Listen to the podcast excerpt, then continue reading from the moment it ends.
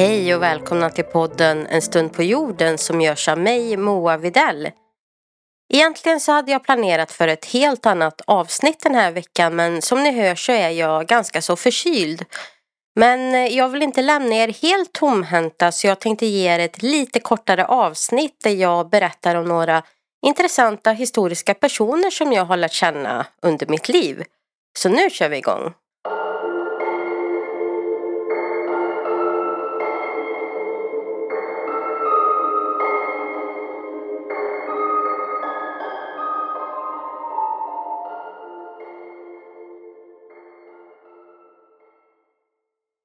Axel Oxenstierna Axel Oxenstierna är en av de mest betydelsefulla personerna i Sveriges historia. Och han föddes år 1583 i Fånö i Uppland och han tillhörde en adlig familj. Och han hade ju då alla förutsättningar för att lyckas här i livet. Oxenstierna han studerade vid Uppsala universitet och reste sen till flera europeiska länder för att vidareutbilda sig. Något som var vanligt på den här tiden. Och hans karriär som statsman och diplomat var ju omfattande och han anses ofta vara en av de mest inflytelserika personerna i Sveriges historia. Oxenstierna började sin politiska karriär som ledamot av den svenska riksdagen och sedan så blev han också medlem i det kungliga rådet. Han var en framstående diplomat som tjänade som svensk ambassadör i flera länder som till exempel Danmark och Frankrike där det hände väldigt mycket spännande på den här tiden. Och som ambassadör så fick han möjlighet att bygga upp ett nätverk av kontakter med andra europeiska makthavare. Vilket skulle vara honom till nytta senare när han blev rikskansler i Sverige. Och efter att Gustav II Adolf, alltså Sveriges kung, dog år 1632 i slaget vid Lützen så var det Oxenstierna som tog över som Sveriges ledare och rikskansler. Och han ledde i princip hela landet då drottning Kristina var alldeles för ung. Och under hans tid som rikskansler så utvecklade han en politik som syftade till att säkra Sveriges position som en europeisk stormakt. Han var en stark förespråkare för Sveriges expansion på kontinenten och ledde flera militära kampanjer och inklusive det långvariga 30-åriga kriget. Ni vet det som vi pratade om i avsnittet om Sverige och Tyskland.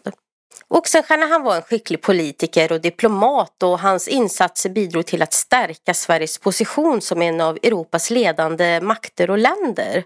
Och han var också en stark förespråkare för utbildning och kultur och grundade flera universitet och stödde utvecklingen av konst och litteratur. Och under hans tid som rikskansler så blomstrade det svenska kulturlivet och många av Sveriges mest kända författare och konstnärer verkade under hans beskydd. Som rikskansler så ledde Oxenstierna också en rad inre reformer som syftade till att modernisera Sverige, ta det in i framtiden med sitt nya politiska och administrativa system. Och han införde nya skatter och lagar för att stärka kungamaktens position och centralisera makten i Stockholm. Och det här bidrog till att stärka landet Sveriges position som en av Europas ledande makter. Och efter att ha tjänat som rikskansler i över 20 år så dog eh, Oxenstierna år 1654 i Stockholm. Och hans eftermäle som en av Sveriges mest inflytelserika statsmän och diplomater är säkrat och hans insatser för att forma Sveriges politiska och militära makt under 1600-talet de är fortfarande väldigt högt värderade idag. Och Oxenstiernas betydelse för Sveriges utveckling och position som en av Europas ledande makter, den kan inte överskattas. Och hans insatser, ja, de fortsätter att inspirera och påverka människor än idag.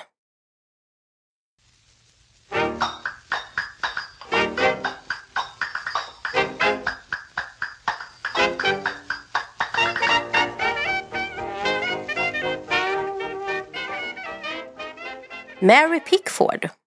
Mary Pickford var en av de mest framstående skådespelerskorna i den tidiga amerikanska filmindustrin. Hon föddes som Gladys Louise Smith den 8 april 1892 i Toronto i Kanada och var den tredje av fyra barn i en ganska så fattig familj. Och hennes far, ja han dog när hon var ung och familjen kämpade för att få det att gå runt och Gladys och hennes yngre syskon fick ofta hjälpa till med att jobba för att försörja familjen.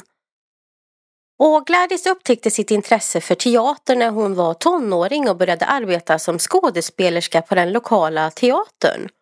Och hon fick sin första professionella roll vid 15 års ålder i en pjäs som hette The Silver King. Gladys, som nu hade ändrat sitt namn till Mary Pickford, började också arbeta som fotomodell och blev upptäckt av filmproducenten David Belasco. Pickford flyttade så småningom till New York City där hon gjorde filmdebut i stumfilmen Her First Biscuits år 1909. Hon spelade ofta roller som den här lilla flickan och hennes karaktärer, ja de var ofta oskuldsfulla och naiva. Men hennes popularitet ökade snabbt och hon blev en av de mest eftertraktade skådespelerskorna i branschen. Och Pickford var inte bara en begåvad skådespelerska utan var också en riktig affärskvinna. Och 1919 så skapade hon sitt eget produktionsbolag, Mary Pickford Company, tillsammans med sina kollegor Douglas Fairbanks, Charlie Chaplin och D.W. Griffith. Och bolaget var en enorm framgång och producerade många av de mest populära filmerna under den här tiden. Till exempel Pollyanna och The Poor Little Rich Girl. Och Pickford var också en av grundarna av Academy of Motion Picture Arts and Science. Ni vet de som är ansvariga för att dela ut Oscars. Och hon vann också en Oscars för bästa kvinnliga huvudroll år 1930 för sin roll i filmen Coquette. Och i och med det så blev hon den första skådespelerskan som vann en Oscar för en ljudfilm. Pickford hon var en mycket respekterad skådespelerska och affärskvinna men hon var också känd för sitt engagemang inom filantropi och hon var engagerad i flera välgörenhetsorganisationer och donerade ofta pengar till behövande. År 1946 så blev hon den första kvinna som tilldelades Frihetsmedaljen, den högsta civila utmärkelsen i USA just för sitt arbete inom filantropi. Mary Pickford pensionerade sig från sitt skådespeleri i slutet av 1930-talet men hon fortsatte ändå att arbeta inom filmindustrin som producent och filmadministratör. Och hon var också engagerad i att stärka skådespelarnas rättigheter och var en av grundarna av Screen Actors Guild, en organisation som just arbetade för skådespelarnas rättigheter. Den 29 maj år 1979 så somnade Mary Pickford till slut in i Santa Monica i Kalifornien efter en lång karriär. Hennes arv till världen, ja det fortsätter att leva vidare och hon är en förebild, speciellt för skådespelare men också för unga affärskvinnor.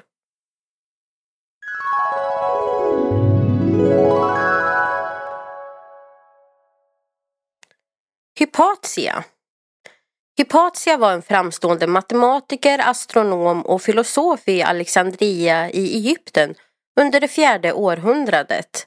Och hon föddes omkring år 355 efter Kristus och var dotter till den berömda matematikern Theon av Alexandria som också var hennes lärare och mentor. Hypatia hon fick en utmärkt utbildning och undervisades av sin far i matematik, astronomi och filosofi och andra ämnen. Och hon blev själv en mycket respekterad lärare och hade många studenter från hela den grekiska och romerska världen.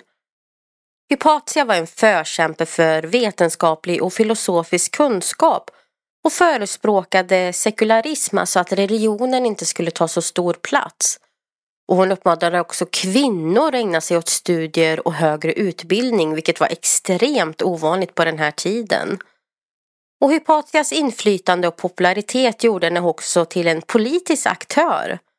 Och hon var vän och rådgivare till den romerska prefekten i Alexandria, Orestes, och stödde honom i hans konflikt med biskopen Cyril av Alexandria. Och tyvärr så led Hypatia en tragisk död år 415 efter Kristus då hon blev mördad av en grupp kristna fanatiker som motsatte sig hennes vetenskapliga och filosofiska synpunkter och hennes kropp den skalperades och brändes offentligt av angriparna. Och Hypatias död, ja det var en förlust i den antika världen och en påminnelse om farorna med fanatism och intolerans. Men hennes bidrag till vetenskapen och filosofin, ja den lever ju vidare och hon fortsätter vara en symbol för mod och kunskap.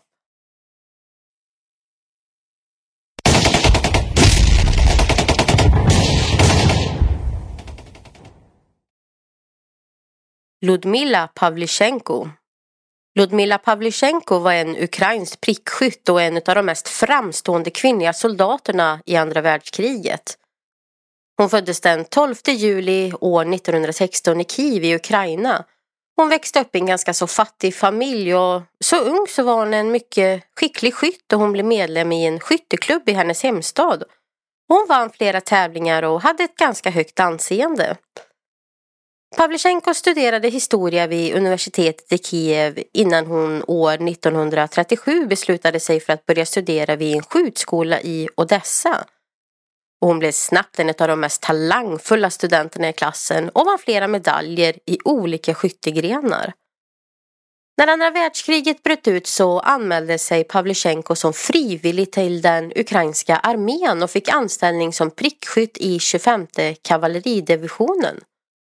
Hon var en av faktiskt bara 2000 kvinnor som tjänstgjorde som prickskyttar i den sovjetiska armén under kriget. Och Pavlichenko visade sig snabbt vara en skicklig och tapper soldat.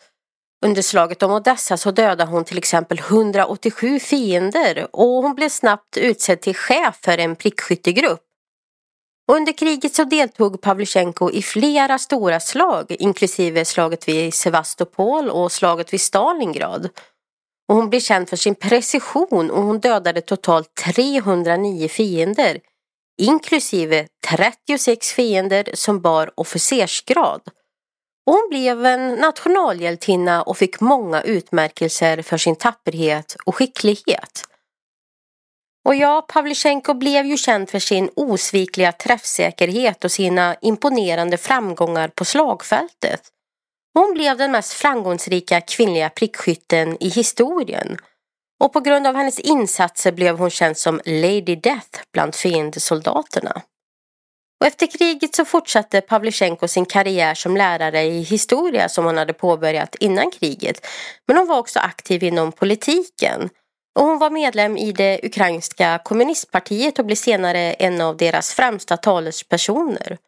Och hon dog den 10 oktober 1974 i Kiev i Ukraina.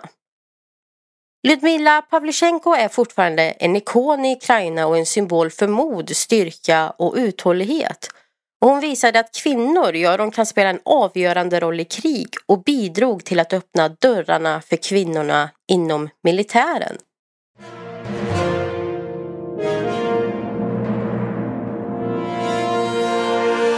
Vet du faktiskt en sak? Världens mest framgångsrika pirat i historien, ja det var en kvinna som hette Xi Xing och var från Kina.